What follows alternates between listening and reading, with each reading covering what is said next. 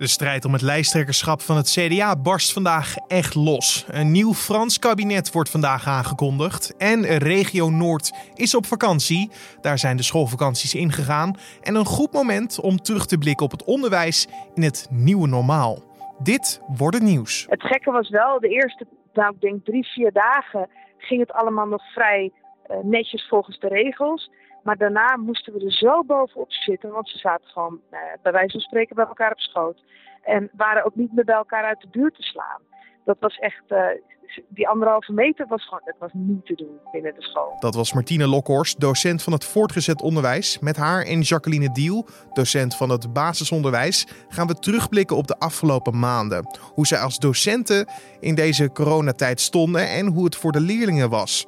Daarover gaan we straks uitgebreid praten, maar eerst kijken we kort naar het belangrijkste nieuws van nu. Mijn naam is Carne van den Brink en het is vandaag maandag 6 juli. In verschillende delen van het land zijn zondagavond opnieuw boeren de weg op gegaan om te protesteren. Het is de vierde avond op rij dat de boeren actie voeren. Zo werden distributiecentrums van supermarkten geblokkeerd, reden ze door het centrum van Groningen en blokkeerden ze een aantal ingangen bij Eindhoven Airport. De boeren voeren sinds donderdagavond actie, want minister Carola Schouten van Landbouw wil dat de hoeveelheid ruw eiwit die een melkveehouder via krachtvoer aan zijn of haar koeien mag geven, begrensd wordt. Op die manier moet de stikstofuitstoot van de landbouw ingedamd worden. Daar zijn de boeren het echter niet mee eens. Australië gaat dinsdag de grens tussen de deelstaten Victoria en New South Wales sluiten om de verspreiding van het coronavirus tegen te gaan. Het is voor het eerst in 100 jaar dat de grens tussen de twee dichtbevolkte gebieden wordt gesloten, al dus persbureau Reuters. De grens tussen de deelstaten werd voor het laatst in 1919 gesloten, toen de Spaanse griep over de wereld raasde. Maandag werden 127 nieuwe coronabesmettingen gemeld in Victoria, het hoogste aantal besmettingen sinds het virus zijn intrede deed in het gebied. Daarnaast werd maandag de eerste coronadode in twee weken tijd gemeld in het land. De centrumrechtse regeringspartij Kroatische Democratische Unie van premier Andrej Plenković heeft een ruime overwinning behaald tijdens de verkiezingen in het land. De belangrijkste opponent, STP, die naar verwachting gelijk op zou gaan, is de tweede partij geworden. Op basis van peilingen werd verwacht dat de regeringspartij slechts een kleine overwinning zou hebben op SDP, zo schrijven Kroatische media. Nu HDC een ruime meerderheid heeft behaald, moet het op zoek gaan naar partijen om een coalitie mee te vormen. Gegeven de sterke overwinning van de partij gaat dat volgens analisten geen zware opgave worden. De Surinaamse overheid gaat de coronamaatregelen in het land vanaf vandaag versoepelen. Zo mogen verschillende bedrijven de deuren weer openen en mensen die contactberoepen uitoefenen mogen weer aan de slag. De versoepelingen gelden echter niet voor het hele land. Het oosten van Suriname wordt nog gezien als een zogenaamde hot zone. Vooral aan de Franse zijde is een sterke stijging van het aantal besmette gevallen gezien. In andere delen van het land is het weer toegestaan voor religieuze groeperingen, horeca en sportscholen om weer mensen te ontvangen. Daarbij moet wel anderhalf meter afstand worden gehouden en het dragen van mond- en neusbescherming is dan verplicht. De schooldeuren in regio Noord blijven vandaag gesloten. Niet vanwege de coronapandemie, maar omdat ze officieel vakantie hebben. De andere regio's moeten nog een week of twee weken wachten en dan is ook bij hun de druk van de ketel. Het onderwijs heeft een bijzondere tijd achter de rug. Van via een videoverbinding lesgeven, naar opgesplitst weer terug de klas in en uiteindelijk volledige klas op de basisscholen en gesplitste groepen op de middelbare scholen. Concluderend een hoop veranderingen in een paar maanden tijd. Hoe dat was voor de scholen, docenten en leerlingen, vroeg ik aan de mensen die echt met hun poten in de klei staan. De docenten zelf van het basis- en voortgezet onderwijs. Zo belde ik met Jacqueline Diel. Zij is leerkracht op een Montessori-school in Haarlem en zij heeft daar groep 1 en 2 les gegeven. Veel aanpassingsvermogen werd er van haar en de school gevraagd, maar voelde het ook echt als een soort achtbaan. Dat kan je wel zeggen, ja, ja dat kan je wel zeggen. Het waren natuurlijk iedere keer al uh, veranderingen die vrij snel van de een op de andere dag uh, doorgevoerd moesten worden. En uh, nou ja, op een gegeven moment weer langzaam begonnen met halve groepen. En toen kwam er de dag dat we weer met een hele groep met 30 kleuters in een lokaal van 50 vierkante meter moesten. En dat vond ik wel een beetje spannend. Want ja, er werd gezegd, kinderen onderling mogen contact. Maar leerkracht blijf op anderhalve meter van de kinderen. En voor wie was het dan het meeste aanpassen? De, de leerlingen of de leerkrachten? Uh, op een andere manier. De leerlingen die uh, kwamen heel spontaan binnen, hadden wel soms van hun moeder gehoord van... Nou, je mag je niet knuffelen, we gaan geen handen geven, wat we normaal wel doen als we op school komen. Even goedemorgen. Dus uh, ja, voor kinderen was het een beetje vreemd dat de juf zoiets had van... nee, kom maar niet bij me ga maar lekker zitten. En uh, dat we in de kring zaten, dat we ja, met 30 kinderen in de kring, dan kan je geen anderhalve meter houden, want dan moet je een enorm lokaal hebben. Dat was uh, dus al lastig. Maar ja, uh, ja, ik kom niet bij jou aan je tafel een lesje geven. Ik had een tafel neergezet waar ik aan de ene kant zat en het kind aan de andere kant. Kom jij maar naar mij toe, dan geef ik je het lesje bij mij. Um, ja, dat was wennen voor allemaal. En het lijkt me dat het toch wel vrij lastig is om alle regels en maatregelen te moeten uitleggen. Eh, zeker aan de kleuters die u les geeft. Maar zie je bijvoorbeeld ook dat het moeilijk uit te leggen is aan de oudere leerlingen? Ja, het maakt niet uit welke groep. Uh, ook de bovenbouwleerlingen uh, willen soms eventjes een knuffel van een juf of een aai over een bol. En komen soms enthousiast op je af. En dan, ja, de oudere kinderen zeggen dus, oh nee, het mag niet, hè. Maar ja, dan was het soms ze al muisje op dat bankje. Uh, niet op anderhalve meter, maar gewoon omdat ze even iets willen vertellen in die, in die buitenspeeltijd. En ja, dat is het spontane van kinderen. En wij zijn heel erg gewend om daaraan toe te geven. Uh, een kind wil gezien worden. Nou, kom even lekker naast me zitten en praat even met me. En corona en een pandemie en een virus wat door de wereld raast. Het zijn allemaal begrippen. Voor mij als volwassene is het soms best wel onwerkelijk om allemaal te moeten beseffen. Hoe is dat geweest voor de, ja, de basisschoolleerlingen? Nee, nee, ze kennen allemaal het woord. En ze wisten van, ja, je kan er ziek van worden. Maar ja, wat je nu zegt, is voor ons al niet te beseffen. En voor kinderen was het, is het zo abstract. Maar het is er wel en je ziet het niet. En het ene kind gaat daar makkelijker mee om dan de ander. Maar er zijn ook echt kinderen die zich daar wel. Ik heb toevallig vorige week van een meisje gehoord. die mocht voor het eerst weer naar een partijtje van een vriendje in de klas. En een paar uur voor het partijtje was ze thuis knorrig en gedoe. En de moeder zei: Wat is er? Nou ja, het kwam eigenlijk uit: Ja, ik ben zo bang dat ik dan corona krijg. En dat is een meisje van, uh, van negen. En moeder heeft ook uitgelegd: van, Ja, maar luister liever. Als ik daar bang voor was, dan zou ik jou niet naar het partijtje laten gaan. En de moeder van je vriendje ook niet. Maar dan merk je dus dat het heel erg speelt in de hoofden van die kinderen. Hè? Uh, en dat kan, dat kan soms in gedrag of in stil zijn of in uh, het zich dan wel of niet uiten. Het zit er wel. Heeft u veel achterstanden gemerkt uh, bij uw leerlingen of, of bij anderen in de leerstof of sociaal gezien? Nou, wat ik merk is gewoon, um, wij hebben veel aanbod gedaan voor de kinderen thuis elke dag. Maar ja, niet iedere ouder is in staat of is thuis, ja, een voorbeeld. Er zijn ouders die hebben geen wifi. Er zijn ouders die hebben één tablet, maar vier kinderen. Uh, er zijn ouders die zelf uh, ja, docent zijn en hun eigen klas ook die dag uh, moeten voorzien van lesstof. Dus het, ja, het valt of staat bij de begeleiding die kinderen ook thuis konden krijgen. En dan merk je toch dat er in mijn klas twee kinderen van de dertig heb ik slecht kunnen bereiken. En er zijn ook een aantal kinderen die we gewoon wel naar school hebben gehaald. Hadden natuurlijk opvang voor de kinderen van ouders uit cruciale beroepen. Dus een aantal kinderen waarvan we dachten, nou dat gaat thuis niet goed. En dan zeker heb ik het dan over de wat oudere kinderen.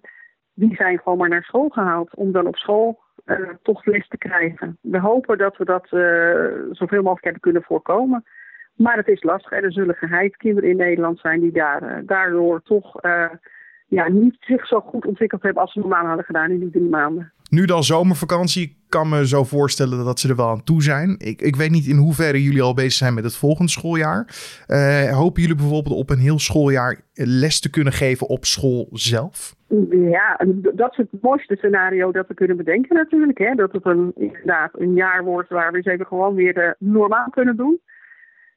Um, maar we houden alle scenario's open, omdat we gewoon de komende zes weken ook nog moeten gaan zien, ja, hoe ontwikkelt het zich in Nederland? Blijft die curve laag? Gaat die toch weer omhoog? Uh, ja, hoe gaat het? Wij wachten, verwachten toch aan het eind van de zomervakantie daar weer een advies uh, van uh, eh, OCMW. Ja, en dat volgen wij eigenlijk altijd op. En hoe gaat u terugkijken op dit jaar? Als een uh, toch wel succesvol jaar of misschien als een verloren jaar? Nee, absoluut geen verloren jaar. Het heeft ook heel veel goede dingen gebracht. Uh, als je ziet de samenhorigheid uh, in, binnen een schoolteam. We moesten toch maar binnen twee dagen zorgen dat dat uh, afstandsonderwijs er was. Maar ook het contact met ouders is ontzettend verbeterd. Ouders zien nu ook wat kinderen op school doen. Uh, ouders zien ook hoe kinderen werken. Ouders namen contact met mij op van joh, ik zie dat hij snel afgeleid is. Is dat in de klas ook zo? Of nou, ik ben nu klaar met deze opdracht. Heb je nog iets anders? Wat kan ik met hem doen om hem te helpen? Weet je?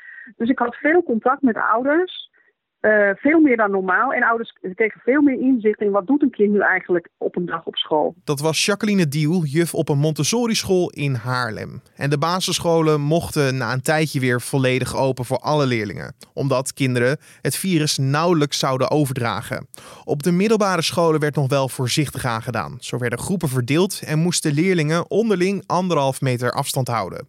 Na de zomervakantie komt daar als het goed is ook een einde aan. En zullen alle leerlingen weer welkom zijn. Hierover sprak ik met Martine Lokhorst, docent Nederlands en geschiedenis op een middelbare school in Hilversum. Zij heeft veel moeten werken met videobeldiensten om toch les te kunnen geven. Maar voor wie was dat nou het meeste aanpassen? De leerlingen of de leerkrachten? Ja, dat wisselde wel een beetje. Ik moet zeggen, ik moest zelf ook behoorlijk zoeken hoor, naar wat nou de juiste modus was en hoe ik het nou moest aan gaan pakken. Ik denk dat dat toch een week of drie geduurd, had, uh, geduurd heeft voordat ik dat een beetje per rit had. En ik door had nou, hoe het allemaal goed werkte en, en, en, wat ik van de leerlingen precies kon verwachten. Die waren ook compleet in verwarring. En uh, ja, sommige leerlingen pakten het heel goed op en waren vrij snel met, uh, met de omschakeling en maakten hun huiswerk en leverden het in. Ik kon opdrachten uitzetten in, uh, in, het, in Magister, in, het, in de ELO, die zij konden inleveren. Maar ook we werken met een, een online methode. Uh, dus daarin kon ik ook zien of ze hun huiswerk hadden gemaakt. Ja, en ieder uur dat ik les gaf, uh, controleren of ze er zijn. En jullie zaten er kort op, uh, zo te horen. Ja, zeker. En dat moet ook, want als je ze niet kan zien, dan, uh, ja, dan kunnen ze verdwijnen van de radar. Precies, want toen kregen jullie te horen dat uh, middelbare scholen gedeeltelijk weer les mochten geven op de locatie zelf. Ja. Oh, hoe ging dat ja. bij jullie in zijn werk? Uh, wij hebben op school besloten, we hadden natuurlijk nog maar een paar weken, we hadden nog drie lesweken voor de boeg, om uh, de klassen te verdelen in drieën, dus in drie segmenten. En een aantal leerlingen waarvan we wisten, nou die hebben het thuis zwaar of die, ja, die hebben wat meer achterstand opgelopen, die werden gewoon voor de volle uh, drie weken ingeroosterd. En iedere dag kwam er een ander segment, zodat alle leerlingen één keer een maandag, een keer een dinsdag, een woensdag, een donderdag en een vrijdag naar school zijn geweest.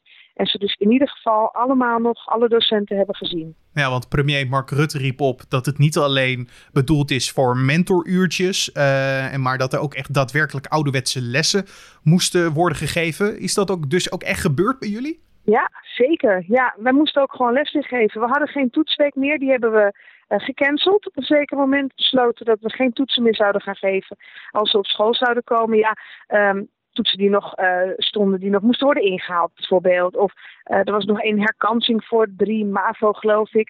Die, die toetsen gingen door, maar verder niet. Um, dus we hebben gewoon alle tijd kunnen besteden aan lesgeven. En dan geef je weer les aan die groep uh, die u tijd niet uh, fysiek heeft gezien. En ook onderling, uh, ja, is, is dat toch een tijd geleden geweest. Wat merkte u daarvan? Ja, nou die groepsdynamiek was zo moeilijk te zien, omdat ik maar een derde van de klas nog zag. Dus in hoeverre dat dan weer die groep was. Sommigen zaten heel, heel gunstig bij hun vriendinnen of bij hun vrienden. En andere leerlingen hadden het gevoel dat ze ja, helemaal niet bij vrienden in de klas zaten. Het gekke was wel, de eerste, nou ik denk drie, vier dagen ging het allemaal nog vrij uh, netjes volgens de regels. Maar daarna moesten we er zo bovenop zitten, want ze zaten gewoon uh, bij wijze van spreken bij elkaar op schoot. En waren ook niet meer bij elkaar uit de buurt te slaan dat was echt, uh, die anderhalve meter was gewoon, het was niet te doen binnen de school. Maar ging het soms fout omdat de uh, bewustwording weg was van alle maatregelen en regels? Nee, ja, ik denk niet eens zozeer de bewustwording, maar ze hebben elkaar zo gemist. En uh, kunnen dan in eerste instantie nog wel denken, oh ja, wacht even, we moeten die anderhalve meter vasthouden.